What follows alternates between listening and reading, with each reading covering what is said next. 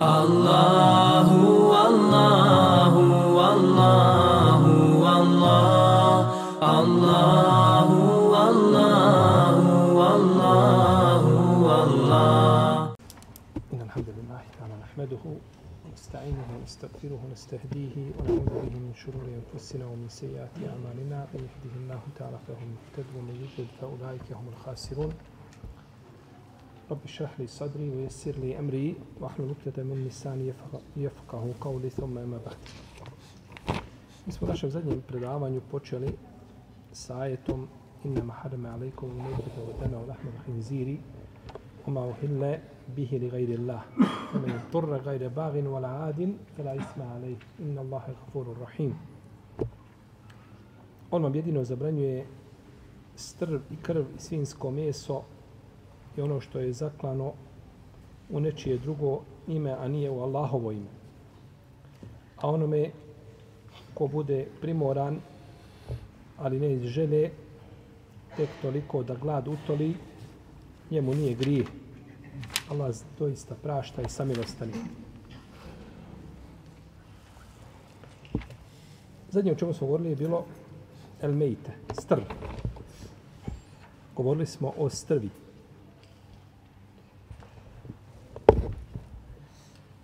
Islamski učenjaci se razilaze da li je dozvoljeno čovjeku da iskoristi nešto od e, strvi.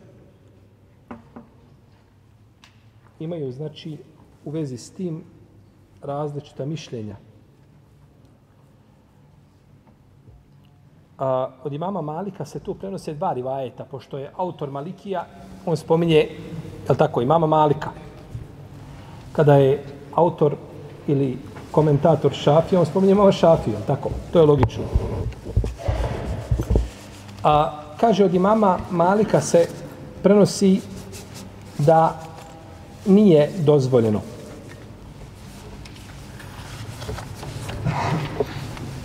Da nije dozvoljeno koristiti, a ponekad kaže da je dozvoljeno. Jer ima hadis o dozvoli da je poslanik sallallahu prošao pred mrtve ovce od Mejmune radijallahu ta'ala anha. Pa je rekao što niste uzeli njenu kožu pa se okoristili njome. Što niste uzeli njenu kožu pa se okoristili. A nekad ima mali kaže to je dio mrtve životinje koja je nečista i koža njena je nečista i ne može se koristiti. Znači, analogno čemu? Mesu koje se smatra nečistim, je tako? Iako ta analogija, znači, nije jaka, zato što imamo, znači, hadis koji govori suprotno tome, on je kod muslima u sahihu. Ili hadis da je poslanik prošao sa osam pored mrtve ovce. Pa rekao što se ne, okoristi, ne iskoristi, što ne iskoristite njenu kožu. Pa se onda islamski učenjaci razilaze da li je dozvoljeno, šta je dozvoljeno koristiti od, od mrtve životinje. A, neki kažu nije dozvoljeno ništa jer je to nečisto, a nečistoćom ne može se, ne smije se ni zemlja zalijevati kod nekih učenjaka, ne smije se ni e, dati nečisto ni, ni životinji. Čak ne smiješ nahraniti ni psa s nečim što je nečisto. Tako kažu neki učenjaci. A, iako Džumhur Leme kaže suprotno tome. A hambelijski učenjaci i i Mađišon od malikijskih pravnika kažu da se ne smije, znači, nečisto dati ni zvijerima, ni, ni psima i tako dalje. A ako to životinja bude sama jela, pustit ćeš je da jede. Ali nećeš joj ti to ovaj ponuditi i nećeš joj ti dati time hraniti. Iako Hanefije i Malikije a, i Šafije kažu suprotno tomu. Oni kažu da je dozvoljeno. Čak a, prenose od imama El-Hatabija, Busulejmana, da je rekao da spominje konsensus učenjaka da je dozvoljeno mrtvu ovcu iskomadati da ti je psima. lovačkim psima koji čovjek ima, da je pojede. Pa kažu, nije problematično i u tome nema ništa sporno. Ali to ima Malik je to imao najžešći šta? Stav. Jedan koji se prenosi jeli, od njega. Iako ovaj, većina malikijskih učenjaka nije na tom stavu. Pa će biti prije ispravnije, znači da je to da je prvi rivajet kod imama Malika bio jači ili preferirajući. Imamo hadis od poslanika, sallallahu nemojte se koristiti ničim od mrtve životinje. I ovaj hadis neki učenjaci prihvataju, neki ga odbacuju. I imamo i drugo predanje kod imama Tirmizije i Ebu Davuda ibn Mađe, da je poslanik sa osaname rekao nemojte se koristiti ničim od mrtve životinje ni kožom, a ni njenim a, ligamentima, beznim tkivom. Oni su vjerojatno koristili asab. Asab je, a, to je vezno tkivo, znači koje povezuje zglobove, pa su ga koristili, zašto su ga koristili, kako su ga koristili, uglavnom, to je došlo u hadisu da je zabranjeno i oko ovog hadisa postoji razilaženje među islamskim učenjacima oko autentičnosti. Pa mi znamo dok postoji razilaženje oko ispravnosti hadisa, onda je odmah razilaženje po pitanju čega? Propisa. Jer oni koji su ga prihvatili, prihvataju propis, koga je odbio, odbija i propis, a, odnosno je li ono što nalaže dotični, dotični je li hadis. Kaže autor o ome će o pitanju govoriti opširnije u suri Nahl, U desetom tomu. Međutim, kada je autor došao u desetom tomu do sure Nahl, do ovoga pitanja, nije ništa dodao više od ovoga što je spomenuo, nego nas je vratio ponovno na sure Al-Bekare. Kaže, to smo spomenuli u sure Al-Bekare. I niš, ništa dodatno nije kazao, u ovaj, jer on je rekao, kaže, ove ćemo, kaže, hadise pojasniti, ova dva hadisa koja su spomenuli, kaže, ćemo pojasniti sure Nahl. Pa, nije to ni čudo, ovaj, nije to ni čudo, jer, ovaj, koliko je godina trebalo imam kutu tako da piše, pa ne može se uvijek sjetiti, tako i šta je puta, šta smo puta do sada spomenuli, tome će biti u toj toj suri uopšte govor, je tako? Pa nije ovaj e, autor vidio možda za shodno da to radi ili je zaboravio i slično tome, rahimehullahu ta'ala. Kada se zakolje životinja, a u njenoj se utrobi nađe mladunče, a klanje životinje, klanje majke, je u isto vrijeme smatra se klanje i mladunčeta. Smatra se klanje mladunčeta jer se smatra da je to dio, kao da je dio čega? Životinje. Kao da je jedan njen dio. Zato što je u utrobi, ne vidi se, i kada se zakolje, Pa znači to je isto vrijeme i klanje mladunčeta. Došao u hadisu Džabira da je poslanik sa upitan o kravi ili o ovci koja bude zaklana i o devi a u njenom njenoj utrobi mladunče pa je rekao poslanik sa klanje a, majke šerijatsko, znači klanje njegove majke i njegovo klanje smatra se, znači kada bude ženka zaklana propisno, u isto vrijeme to je klanje, tretira se klanje mladunčeta.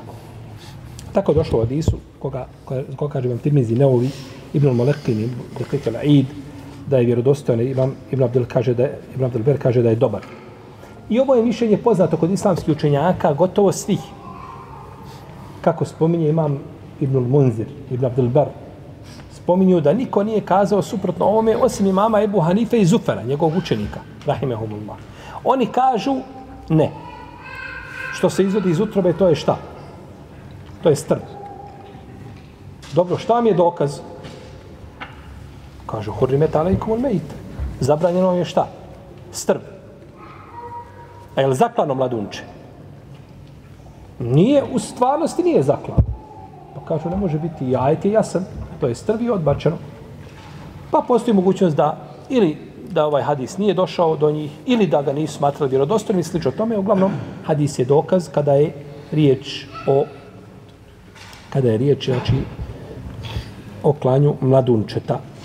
I u ovezi s ovim postoje, postoji hadis drugi kod Ebu Sejid al-Hudrija, a imam tirmizi kaže u svome sunenu, hadise o ovom pitanju, kaže, prenose Džabir, i Ebu Umame, i Ebu Darda, i Ebu Horeira i drugi. Pa znači skupina ashaba prenosi hadise koji govore šta? Hoće mi kazati. Šta govori ti hadis? Klanje životinje koje posluje. Pa što? To pitanje o kome govorimo. Znači da je klanje e, ženke u isto vrijeme klanje i mladunčeta koje je znači, u njenom stomaku. Pa je skupina ashaba to prenijela, znači, i to je stav definitivno kome je bila ashabi, tabini i apsolutna većina, znači islamskih, islamskih učenjaka. Naravno, ovaj, a, ovo pitanje, ovo je pitanje, a, ovo je sa šerijatskog aspekta posmatrano. Da li je meso mladunčeta ovaj, b, b, b, korisno za konzumirati ili, ili, ovaj, ili nije ukusno i tako da to je pitanje ukusa čovjeka. Ibn Kajim kaže nije ukusno za, za, za jesti. Nije, kaže, nešto ovaj posebno ovaj lijepo za jesti, ali kaže nije zabranjeno. Nije zabranjeno. Ibn Omer je govorio, kaže, ako se vidi na tijelu, vide se dlake, da je već poč oblikovano, formirano, znači tijelo, već to je već negdje pred ovaj njegov izlazak, trebalo da bude, jel tako? Kaže, onda će se izvaditi i zaklaće se, iako je mrtvo. Zaklaće se, kaže, da iziđe krv iz njega. Tako govori Ibn Omar. Rahimahullahu ta'ala. To je tako zbilježio njega ima malik u svojom uveti sa vjerodostojnim lancem prenosilaca.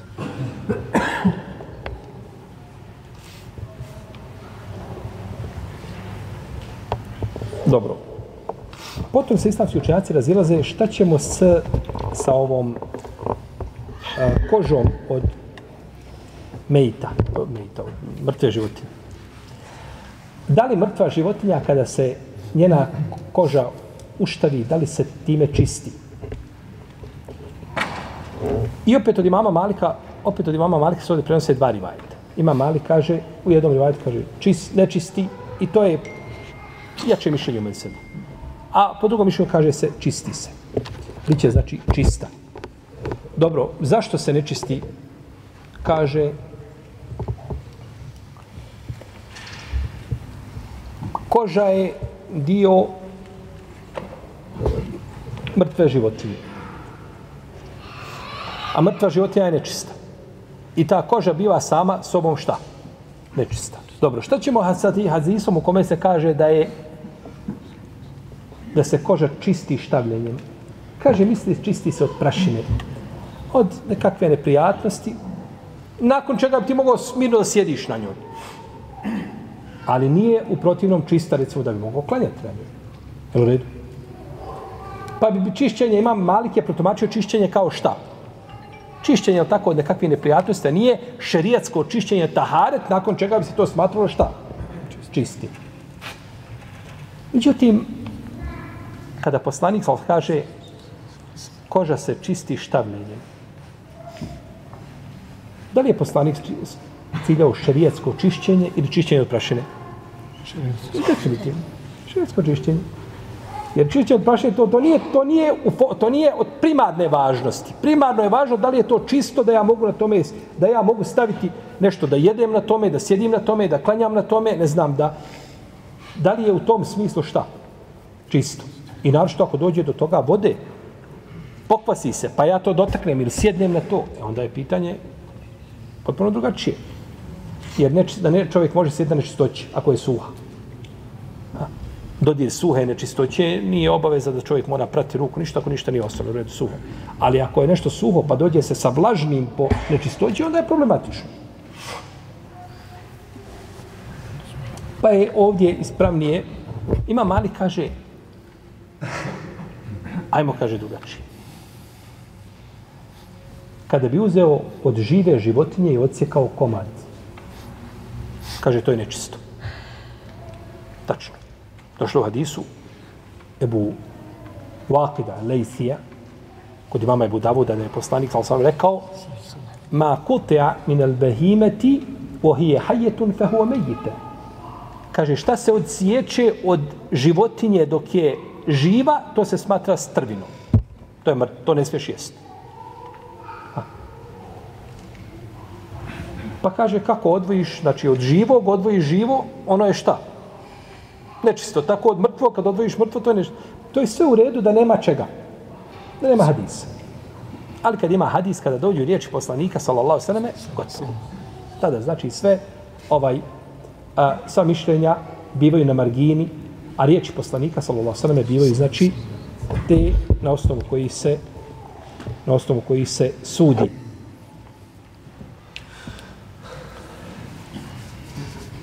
A, da li je da li se štavljenjem čisti i svinska koža? Razilaženje među činjenicima. Imamo u vezi s tim hadisu, kome je poslanik sa osam kaže i da dubiga li habu evo, evo kaže i ume i habin dub, dubig kad koja god koža da se uštavi, ona se čisti. I kaže u drugom hadisu čišćenje kože biva štavljenje. Dobro, i sinjska koža, svinsku kožu. Ti sad, ti, stoj, ti u džami, Efendija obuku jaknu, kožna jakna. I u mihrab prođe. I hoće klanjati. a ti vidiš, ti se razumiješ u kožu da je to svinska koža. Je li spravan njegov namaz? Je li spravan namaz onih za njega koji klanju? Hoćeš se okrenuti odmah izići iz džamije? U hadisu se kaže koja god koža da se očisti, e, da se uštavi, ona je šta? Ejume, koja god. To je od općih izraza koja obuhvata sve kože. Jer štavljenjem se čisti. Pa je to jedno od mišljenja koje je shodno argumentu kao argumentu jako. Ima svoje mjesto. Međutim, to nije podržao veliki broj učenjaka. Oni kažu, ovo je opći argument, ali ne obuhvata sve što bi moglo potpasti pod njegovo značenje na prvi pogled. Zašto? Kažu, ima hadis kod Dare Kutnija, koji ima dobar lanac prenosilaca, da je poslanik sa osrame rekao koža se čisti šerijatskim klanjem. Šta kaže? Čišćenje kože biva šerijatski propisanim klanjem. A šerijatski propisano klanje biva koji životinje? Oni koji dozvoljeno jesti. Koji dozvoljeno jesti, čije mi se dozvoljeno konzumirati. Pa je ovaj hadis i šaretio da je čišćenje kože samo od životinja čije se meso može šta? Konzumirati. I to bi bilo preče i sigurnije. Međutim, kada bi čovjek obukao nešto što je svinske kože, ne znam, meste, jaknu, rukavice i klanja u tome, teško bilo kategorički tvrda je njegov namaz pokvaren. U smislu da klanja šta? Sa čistoćom na sebi, ima nečistoću, tako. Da mu, da, nije, da mu nije čista odjeća, tako, shodno ajetu, e, uh, u kefa tahir i svoju odjeću šta? Očisti. Tako da je mišljenje jako, međutim izbjegavati to, Allahu alem da je preče i bolje. Preče i bolje zbog ovoga tumačenja, znači koje smo spomenuli.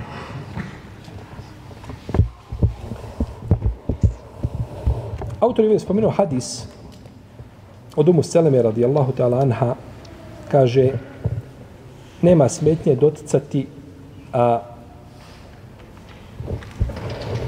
kožu mrtve životinje nakon što se uštavi i a, njenu vunu ako se opere. Međutim, ovaj hadis je daju. Ovaj hadis je daju.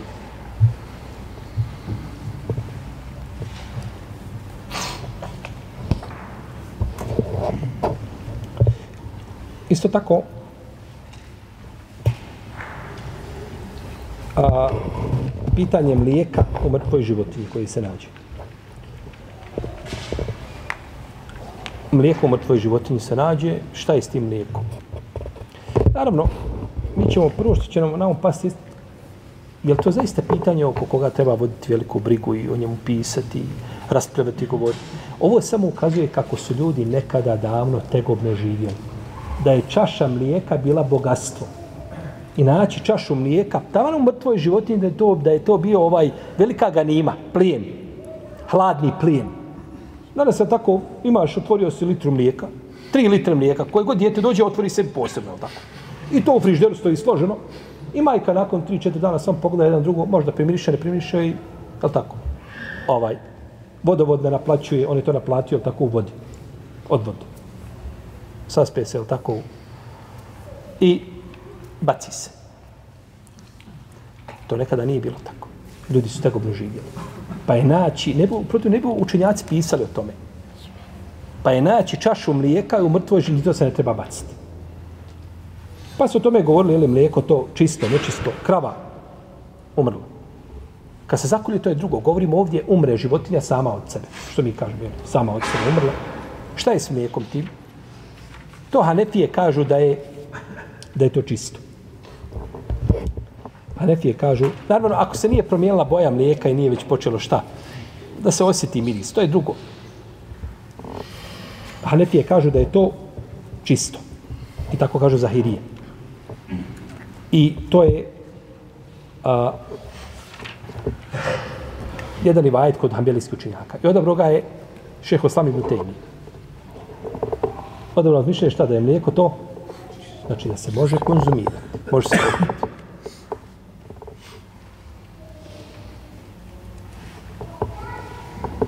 Šehul sam im te je čudba je za njega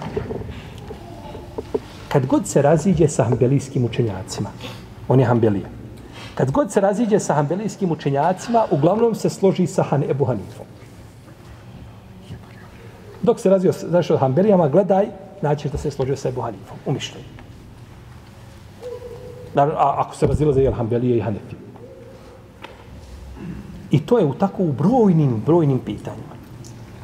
I onda se Ibn Taymije predstavlja, rahimahullahu ta'ala, kao neprijatelj čega?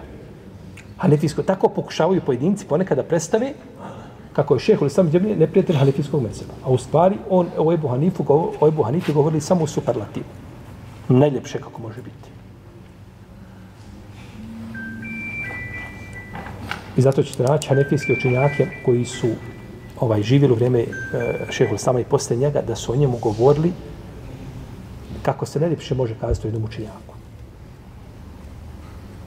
Šemsutin ibn Hariri, on je umro 828. hijđarske godine. Kad Ibn Taymije iste godine?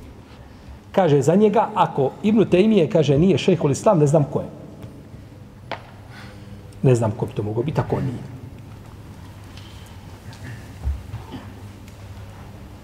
A kaže imam Ibn Nuđajn. On je umro krajem desetog iđeskog stoljeća.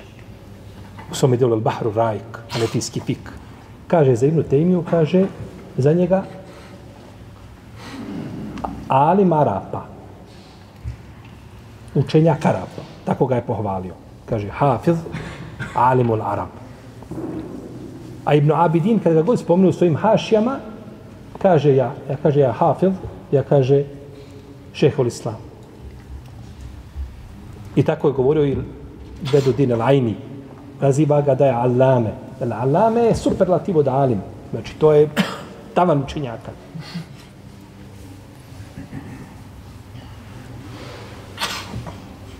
I tako su govorili drugi poput Murtebe Ezebidija, svome dijelu Tađula Rus, isto kaže za njega šeholi Islama, Ibn Tejbe kaže Allame. I drugi islamski učenjaci, hanefijski, koji su pohvali šeholi Islama, rahimahullahu ta'ala, i neprihvatljivo je u bilo kom kontekstu dovoditi upitnost imameta Ebu Hanife kod Ibn Tejmi. To je apsurdno. Međutim, niti se mora Ibn Taymi u svoj s Ebu Hanifom, niti se mora složiti Ibn Kaim s ovim, niti Ibn Hajar s ovim. To je ičtihad i to je polje otvoreno. Allah dao svakome razum da razmišlja i da govori i niko nije obavezan da slijedi nikoga slijepo od tih učenjaka, rahimehumullahu ta'ala. Jedan od velikih problema današnjice jeste upravo to što o islamu govore ljudi koji ja polovično znaju ja su naučili iz nekakvih izvora koji su mutni i sumnjivi do kraja. Uglavnom nije učio vjeru s izvora. I onda pokušava dokazati nedokazivim. Nečim čime se ne može dokazati. Slušam jednog od njih izišao i priča on o nešto, islamu, ovaj, o historiji islama i tako dalje. I kaže, on, kako je poslanik, sa osaname, osvojio Meku. Doktor jedan, akademik, Srbi. Doktor Miroljub. On izišao i priča kako islam, eto, kako. I između ostalog šta spominje, kaže i Muhammed, kada je došao, kaže u Meku, on je kazao, ovaj, idolo poklonicima Meke, kaže, slušajte. Ovako kaže, i svim Mekancima je kazao, ukoliko ne pređete na islam, bit ćete likvidirani.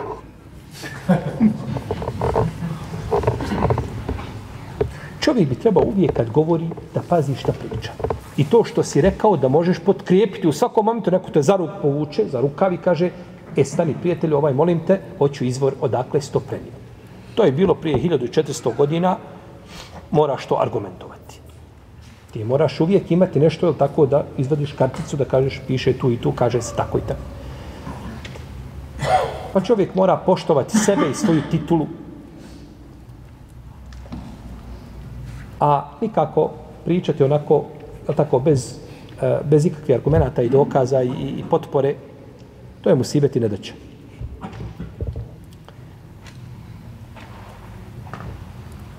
Poslanik Muhammed Zalska je došao u Meku, kazao je svima, kaže, svi ćete biti likvidirani. Odakle si došao s tim? Kod Nesaje u sunenu njegovom ima hadis od Sada ibn Bivakasa da je poslanik ali na dan oslobođenja Mekke dao sigurnost svim ljudima osim četverici i dvijema ženama. Oni nisu dobili sigurnost. Ostali su svi dobili šta? Sigurnost i garantovo poslanik, ali da se nikome ništa od njih neće desiti. Ikrime ibn Abi Džehl, Abdullah ibn Khattab, Meqis ibn Subabe i Abdullah ibn Sad ibn Abi Sarhi ova četverica nisu dobila sigurnost. I dvije žene. Što se tiče Ikrim ibn Džahla, on je pobjegao. Pa se nakon toga vratio i primio islam i potaman, prošao. Ništa se nije desilo. Ubijen je Mekis ibn Subabe i ubijen je Abdullah ibn Khattal. A Abdullah ibn Sad ibn Sarh, on je primio islam. Pa je poslanik primio njegov islam. Pa su dvojica ljudi ubijeni na dan oslobođenja Mekke. O dvijema ženama nema govora. Ne spominju se. To je ono što je došlo u vjerodojstvenom predanju. Kod Buharije se navodi da je poslanik sa na dan oslobođenja Mekke dao zastavu Sadu ibn Ubadi. Pa je sad prošao pored Ebu Sufjana koji je primio islam. On je izišao da dočeka poslanika na putu negdje do Mekke da vidi šta će biti. Pa je primio islam tu. Pa je prošao pored Ebu Sufjana, kaže, o Ebu Sufjana, kaže, el jeume jeumul melhame. Kaže, danas je dan krvoprolića. Ti šta će danas biti, pojma nemaš. Kaže, to Ebu Sufjan. Pa Ebu Sufjan dočekao poslanika, sa da nešao svojom grupom, kaže, o Muhammede, kaže, uh, Jesi čuo, kaže, šta je sad rekao? Kaže, šta je rekao sad? Kaže, danas je dan krvoprolića. Kaže, kezebe sad. Kaže, sad je pogriješio. Po jednom narječu, kod, ovaj, kod Arapa je kezebe nije laže, nego znači greška. Pa se može reći nekome kezebe, a misli se pogriješio. I kaže, nije to tako. Pa mu je uzeo od njega zastavu njegovu. Kaže, nećeš ti nositi zastavu. On je nosio, zastava je simbol nisi ti za simbola, dođi vamo. Pa je pozvao njegovog sina Kajsa, pa mu dao zastavu. I ovaj opet zadovoljan, jel? Zastava je opet kod mog sina i sve potama. A nećeš ti nositi zastavu. I tako su ušli u Meku. Ibn Kesir spomnio u svome delu Bedaje o Nihaje da je njegova brada doticala vrh njegovog sedla, poslanikov, od poniznost kad je ušao u Meku. Nije ušao osvajački, ponosno u smislu da eh, danas, ćemo, danas ćete zapamtiti ko je ušao u Meku i ko se vratio u Meku. I zapamtit ćete koga ste istirali Meke. Iako nema vrste kazne na zemlji koju muslimani nisu okusili u Meku. Pa je od one da koplje bude probodeno ženi kroz njen vagidalni otvor dok ne iziđe na njena leđa. I takve kazne. I opet ulazi ovaj oborene glave i ponizno i zahvale Allahu što mu je što ga je vratio nazad da dođe do Kabe. I onda kaže ovaj naredio kaže da to se pobije. Pa odakle si to uzeo? Te knjige, odakle si? Gdje si to pročitao da je to tako? Imamo rivajet koji je zabilježio Ibn Asakir u svojoj povijesti. U tom se rivajetu kaže da je prošao sad pored Ebu Sufjana, pa mu je rekao, kaže, danas je dan krvoprolića. Danas će, kaže, biti uništeno je ono što je sveto. Danas će, kaže, Allah ponižiti, poniziti Kurejš. Znači, idolopoklonike, danas će biti ponižen. Pa je obratio se Ebu Sufjan poslanik kaže, Allahom te kaže, zaklinjem, kaže, kad je u pitanju tvoj narod. Hoće kazati, budi milosti prema njima. Kaže, ti si čovjek, kaže, koji si najbolji dobročinitelj. I kaže, čovjek koji najbolje gledaš na rodbinske veze.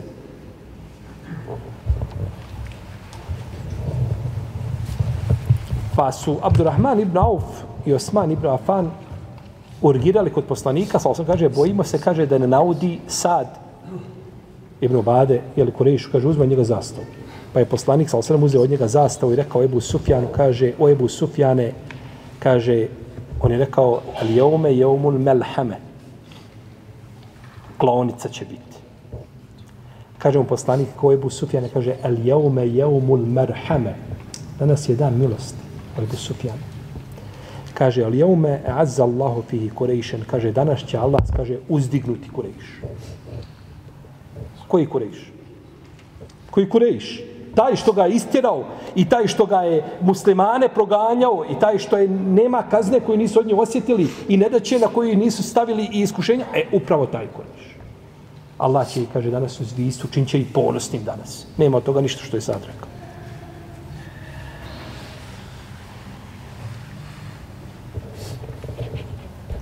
Pa je oduzeo sadu pravo na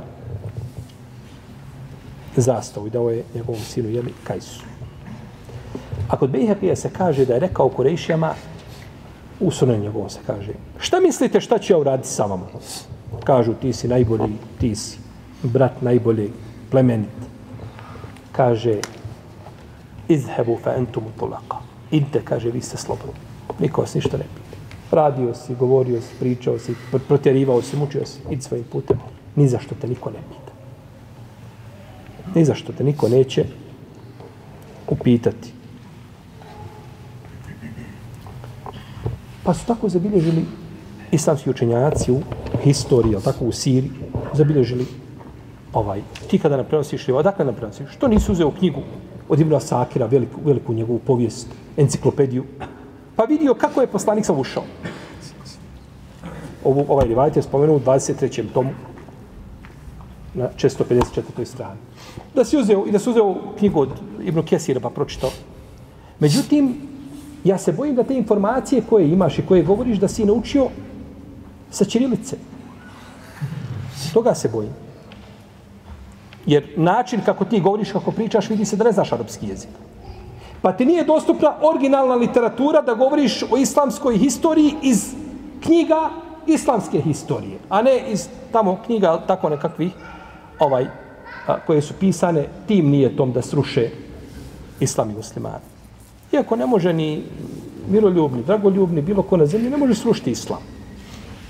Ali mi ovo govorimo njemu, akademiku, čovjeku, da ne ruši samoga sebe.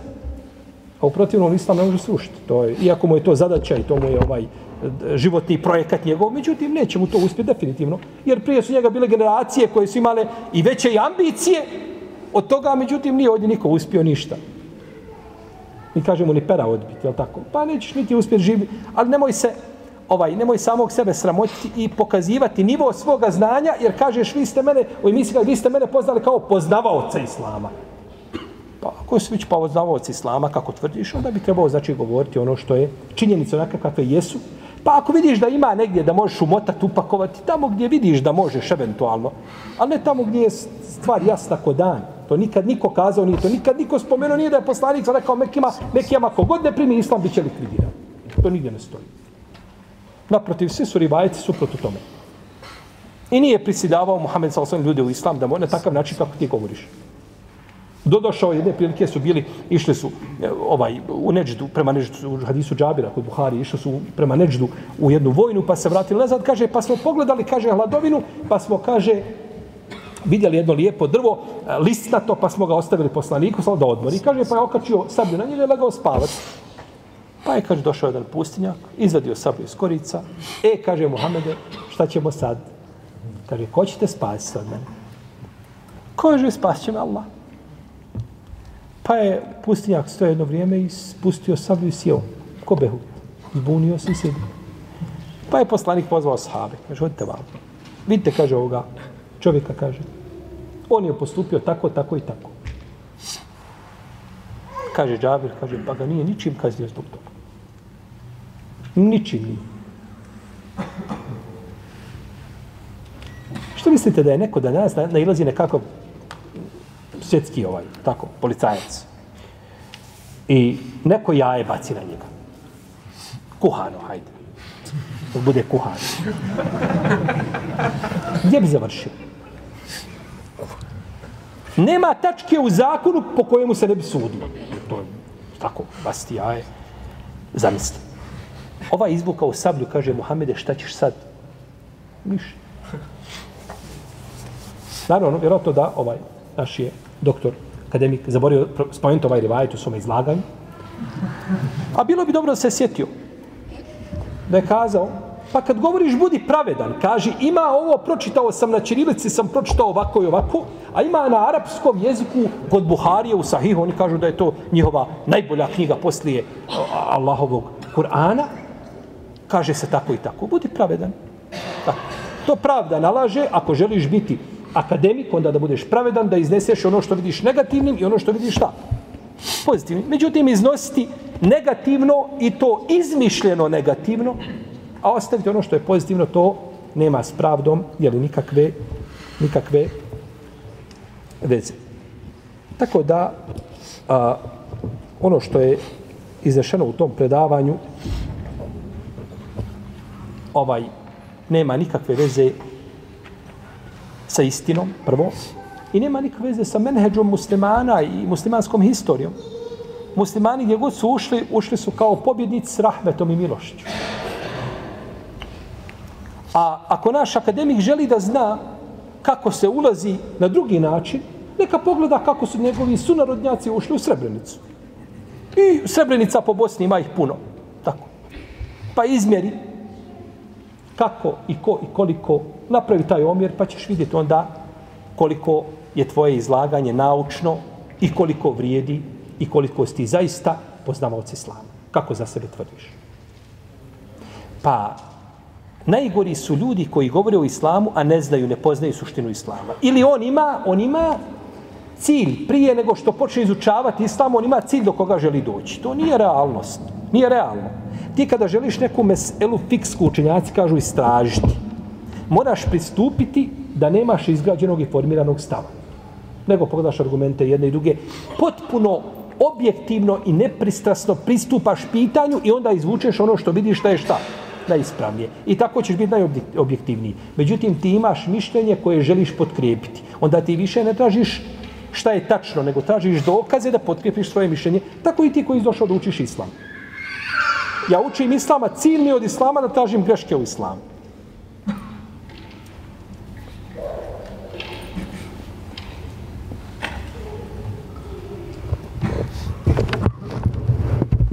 Uglavnom, šta je kazao imam Ebu Hanife? Da je mlijeko koje se nađe u dimenu životinje, mrtve, koja je uginula, umrla sama od sebe, pala sa stijene od nekoga, nije bitno šta je već bilo, nije ljudski faktor imao utjecaja na njenu smrt, da je ubije, da je lov, da je, ne znam, da je klanje i tako dalje. Od životinje čije meso dozvoljeno šta? Konzumirati. Jer špit magareće mlijeko. Iako je to šta? Popularno, tako? Ma, nekakvi, tovar nekakvi bolesti liječi magareće mlijeko. Med je spomenut u Kur'anu, Allahov roba. Med. Sigurno koristi nego magareće mlijeko. A ne možeš, zato što ne možeš se konzumirati meso do, domaćih magaraca je zabranjeno za konzumiranje. Samo divlji. Pa životinja ako je zabranjeno konzumiranje njenog mesa, zabranjeno je konzumiranje čega? Mlijeka. Mlijeka isto tako. Pa ako se nađe u ovom slučaju, neće, ovako neće, jeli, smetati. Isto tako oko pitanje jaja. Jaje se nađe. Šta ćemo s jajetom? Smijemo li jaje pojesti? Isto ukazuje na šta? Na tegoban život, kako su ljudima, kako jaje bolan? Jaje našao, oko toga se... To je prvo odlika našeg šarijeta, naše vjere, da su islamski učinjaci to pojasnili u detalje. Pa kažu, a, neki od njih, a to su Hanefije kažu da je to čisto, Malikije kažu da je nečisto, dok Hanbelije i Zahirije kažu čisto je jaje, ako je u našno, kokoš, ne znam, neka ptica koja se jede i tako dalje, kaže ako je formirana ljuska. Ako je ljuska, šta? Formirana. E onda se ljuska oguli, uzme se ono. A ako nije formirana, ne može. Uglavnom, jeli, u vezi s tim se isto tako razilaže islamski jeli, učenjaci. I razilaze se islamski učenjaci kada je riječ o tome kada miš upadne negdje u hranu. Je li ta hrana čista ili nečista? Da li je tečna ili nije tečna? Pa kažu ako nije tečna, to se zagrebi i izvadi se. A ako je tečna, pa se uguši, kažu onda je to sve nečisto, pa se to sve prosipa. Ja kako islam vodi računa o imetku? Nema rasipanja i nema bacanja onoga što se može šta? Iskoristiti. I u tom e, kontekstu postoji hadis da je to poslanik rekao sa sve, ako je tečno i uguši se mi što se sve prosipa, a ako je čvrstom poput masla, pa se to samo uzme onako miši ono što je okolo, pa se baci, ostalo se iskoristi. Međutim, kažu a, hadijski stručnjak da je hadis dajiv. Da je hadis dajiv. Isto tako kažu kuha se nešto u loncu i upadne, kaže, ptica grabljivica nekakva u to. Šta ćemo s otim? Pa se uguši loncu. Pa neki kažu, izvadi se, kaže, meso, prospe se, voda, supa se prospe, meso se uzme, opere se i može se jesti. Opere se, možete šta? Nema bacanja. Nema bacanja.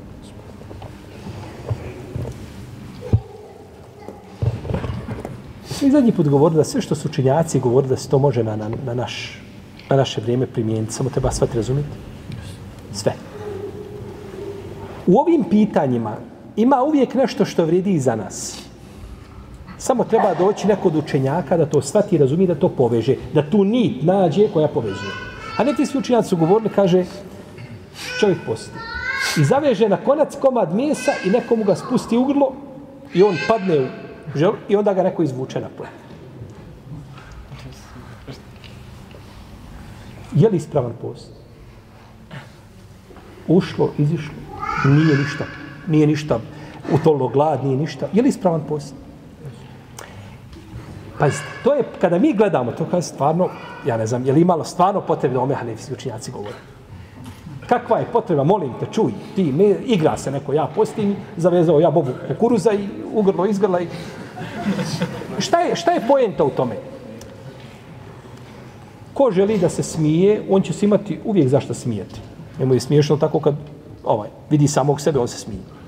Međutim, učenjaci kad govore, oni imaju cilja za toga.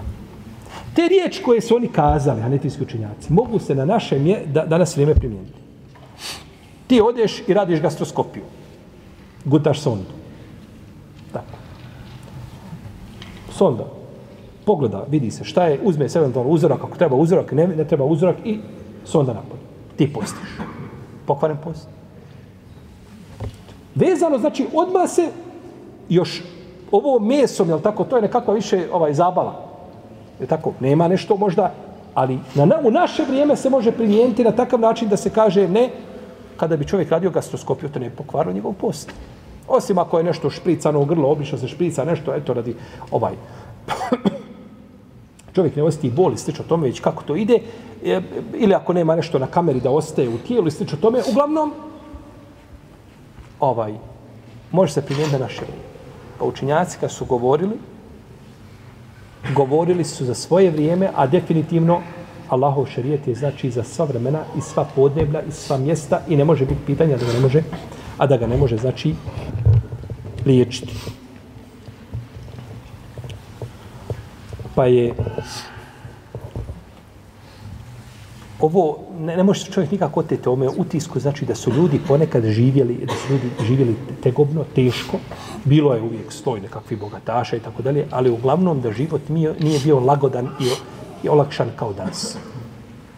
I zato se spominje sve, jel tako, ovaj, i zato Islam vodi računa o tome, pa i zalogaj koji ti ispadne, jel tako, i ti ga trebaš uzeti. A ti negdje na aerodromu, dakle, nekoj evropskoj metropoli, tako, i zaloga ispo. A ono, možda baš u tom momentu svi gledaju u tebe, jel tako? Islam vodi računa o imetku. Da se ne raspa i da se ne, znači da se ne troši neprekomjerno mimo onoga što čovjek, znači, treba. Kad jede, kaže bismillah u ime gospodara. Kad završi, zahvali se svome gospodaru. Te barake o teala. Jer kada čovjek jede, kad kaže bismillah, Šta znači kada kaže bismillah? Znači, gospodaru moj, da ovo nije bio halal, ja to ne bio. Ja to jedem u tvoje ime. Zato što si mi ti to dozvolio, ja to zato jedem. I zato onaj ko čini haram bismilo, ne mora, čini i bismilu izgovori. Ti činiš ono što je zabranjeno. Konzumiraš, ne znam, konzumiraš nešto što je zabranjeno, izgovaraš bismilu. To je sve suprotno onome što uzvišen Allah traže domu. A čovjek koji je dužnost kada jede i kada se sjeti, ako nije na početku izgovorio bismilu, da izgovori tokom jela. I kaže Ibn Hadžer, ako ne izgovori tokom jela, griješan. Zato što, šta, kada se kada se sjetio. Od tada je dužan, znači da izgovori, dužan da izgovori bismilu. I zabranio je poslanik, sa da se ide na a, jela kod ljudi koji su koji prave hranu radi radi prestiža, radi radi ovaj hvalisanja, radi da tako. Ko će napraviti bolji ručak? Takva hrana je, tako je, kod, od se budavu, da poslanik za samo zabranio da se jede takva hrana. Tako. Pa čovjek kada jede, jede ono što mu uzvišeno je dala od lijepi jela, kako je došlo u prethodnim ajetima, lijepa jela, zahvali svome gospodaru nakon toga, je tako, nakon toj nakon te blagodati, ovaj, kada je jedan celefa nije htio da jede feluzeć. Feluzeć su kao nešto kao kunafe. Znate što su kunafe? Znate. Ovaj. I pitali što ne jedeš? Kaže, ne mogu Allahu zahvaliti na toj blagodati. To je tolika blagodat da to ne mogu, to je nešto od najljepših, znači, ovaj, slatkih jela i hrana ovaj, kaže, ne mogu zahvaliti, pa neću da jedem. Pa je to spomenuto Hasan al-Basri, neki kažu to rečeno Ibn Džouzi, te kasnije nekada. Pa da kaže, resti njemu, kaže da on budala. Kaže, a može li on zahvaliti Allahu, kaže, na gutlaju hladne vode? Bez feluza, da može cijeli život. Ništa ti neće faliti. A šta je sa gutlajem hladne vode? Pa ne može Allah. Allah ti je to dao kao blagodat, ti mu zahvali. Ti mu zahvali na toj šta? Blagodat. Ti mu zahvali na toj blagodat. A,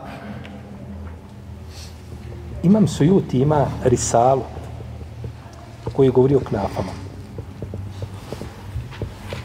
Nazvo je Menhelu Lataif fi el kunafeti wal qataif.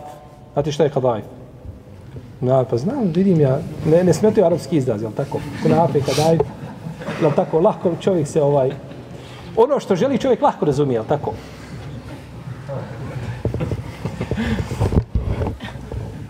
Kaže, bistri izbor o onome što se navodi u vezi sa knafama i kadajfom. Ima, još uvijek je kao manuskript se, mislim, čuva ta risala, od imam Sutija koji je napisao, rahimahullah ta'ala.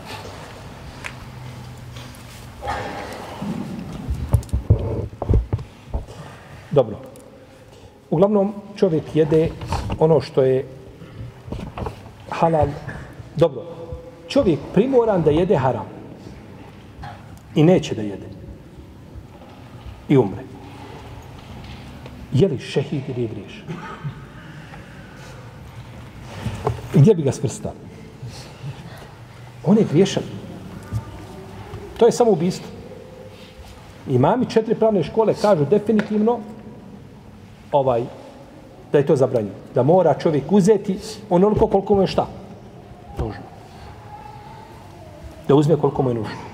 Da ne umre, da sebe ne ubije zbog toga.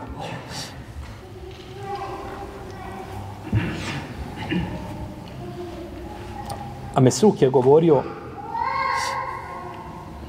ko bude u situaciji da mora jesti haram pa ne, ne bude htio odbije pa umre kaže u vatru ide u vatru. To je prenosio od imama Ahmeda a, i u drugi učenjaka.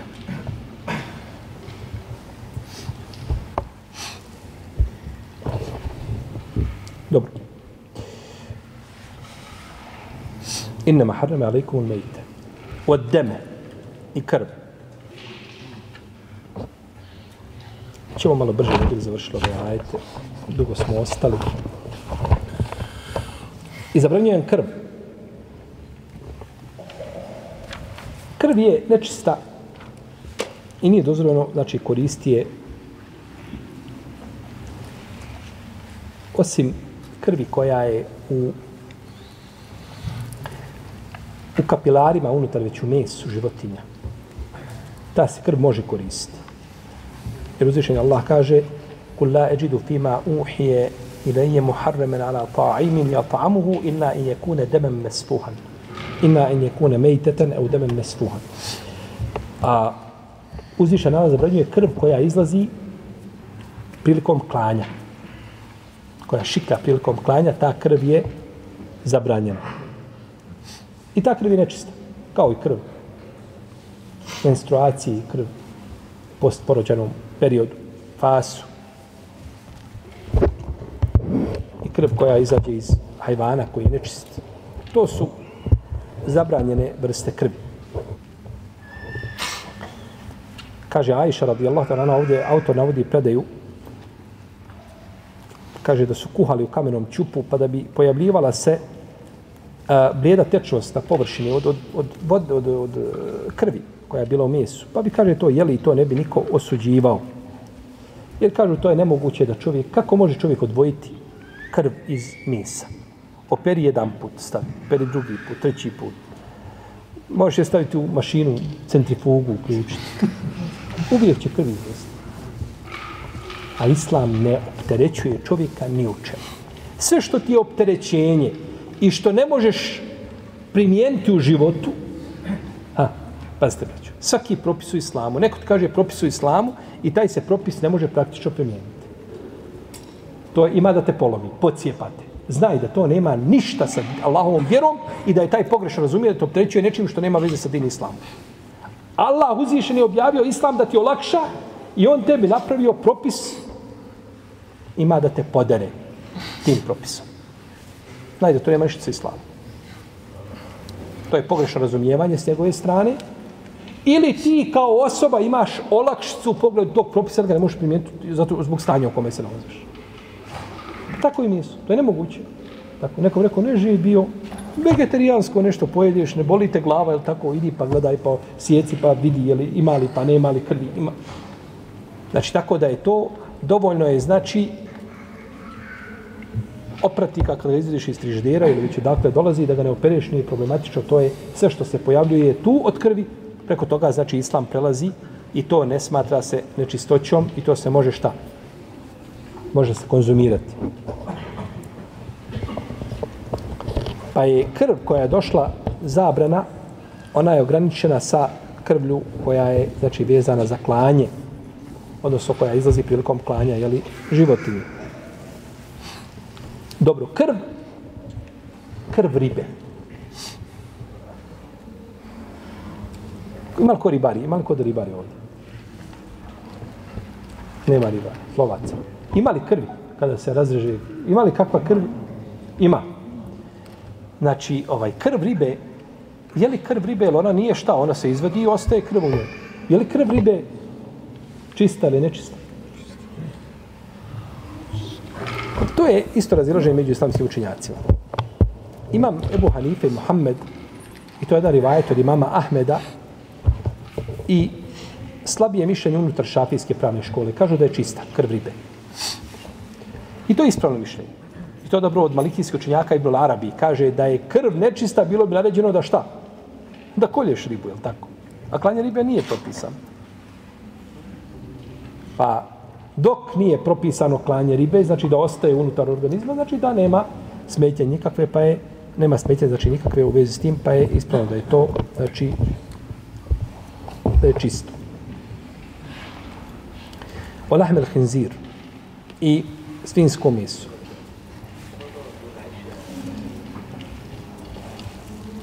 Svinsko meso. Kada se kaže meso kod, u arapskom jeziku, to obuhvata i loj. A kada se kaže loj, to ne obuhvata meso. Znači, kada bi čovjek rekao, zakleo se, neću jesti, a loj, pa pojeo meso, ne bi prekršio zaklet. Ali kada je zakleo da neće jesti ovaj meso, pa pojeo loj, prekršio bi zaklet. Jer loj ide s mesom, I računa se, kažu učenjaci, tako, računa se uz meso, jer uzvišen Allah zabranio Benu Israilu, a wa ala alladhina hadu harramna alayhim shuhumahuma illa ma hamalat zuhuruhuma wal hawaya wa ma ikhtalata zabranio im je da uh, zabranio im je šta? Loj. Loj im je zabranio ali loj ne obuhvata šta? Loj ovaj ne obuhvata meso.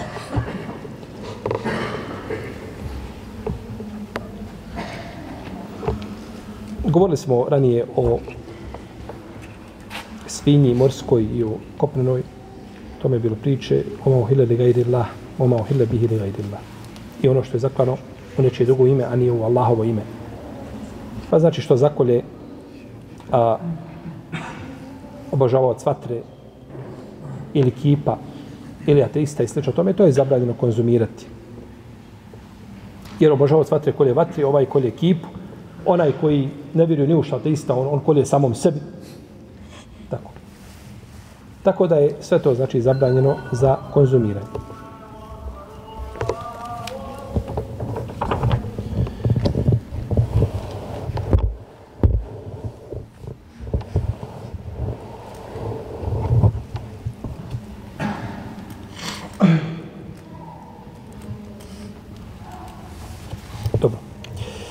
je autor spomenuo predaju od Ajše radijallahu ta'ala anha da su joj došle da su joj došle neke žene i pitale i pitale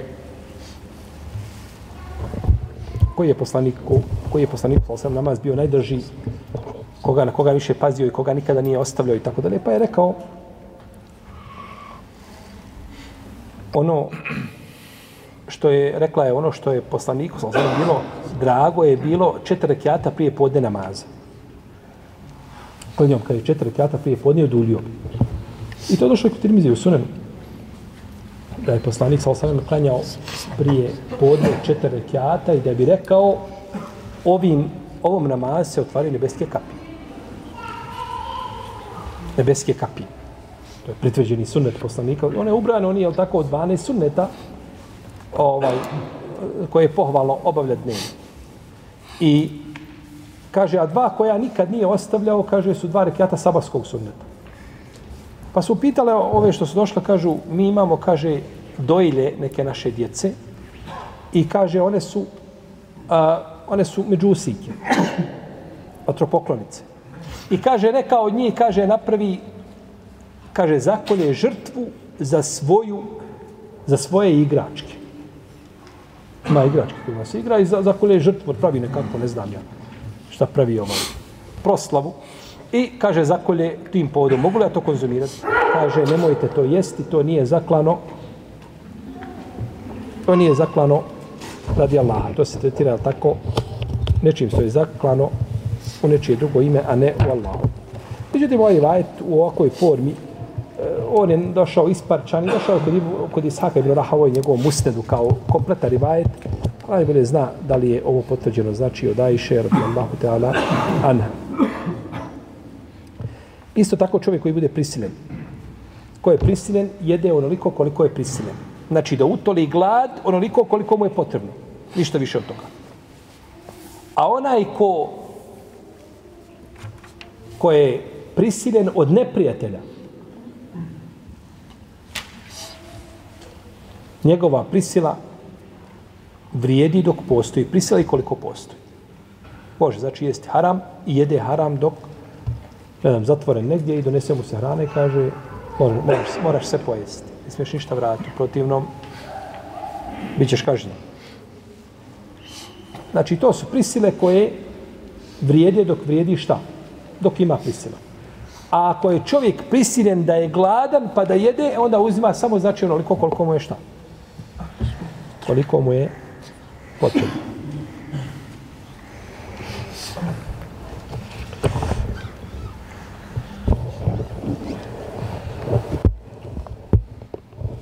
Nastavit ćemo što tamo narodom. Da pa ćemo završiti ako mogu da ovaj ajit. Nastavit ćemo da ćemo tamo da se Hvala Allahu, Allahu, Allahu, Allahu.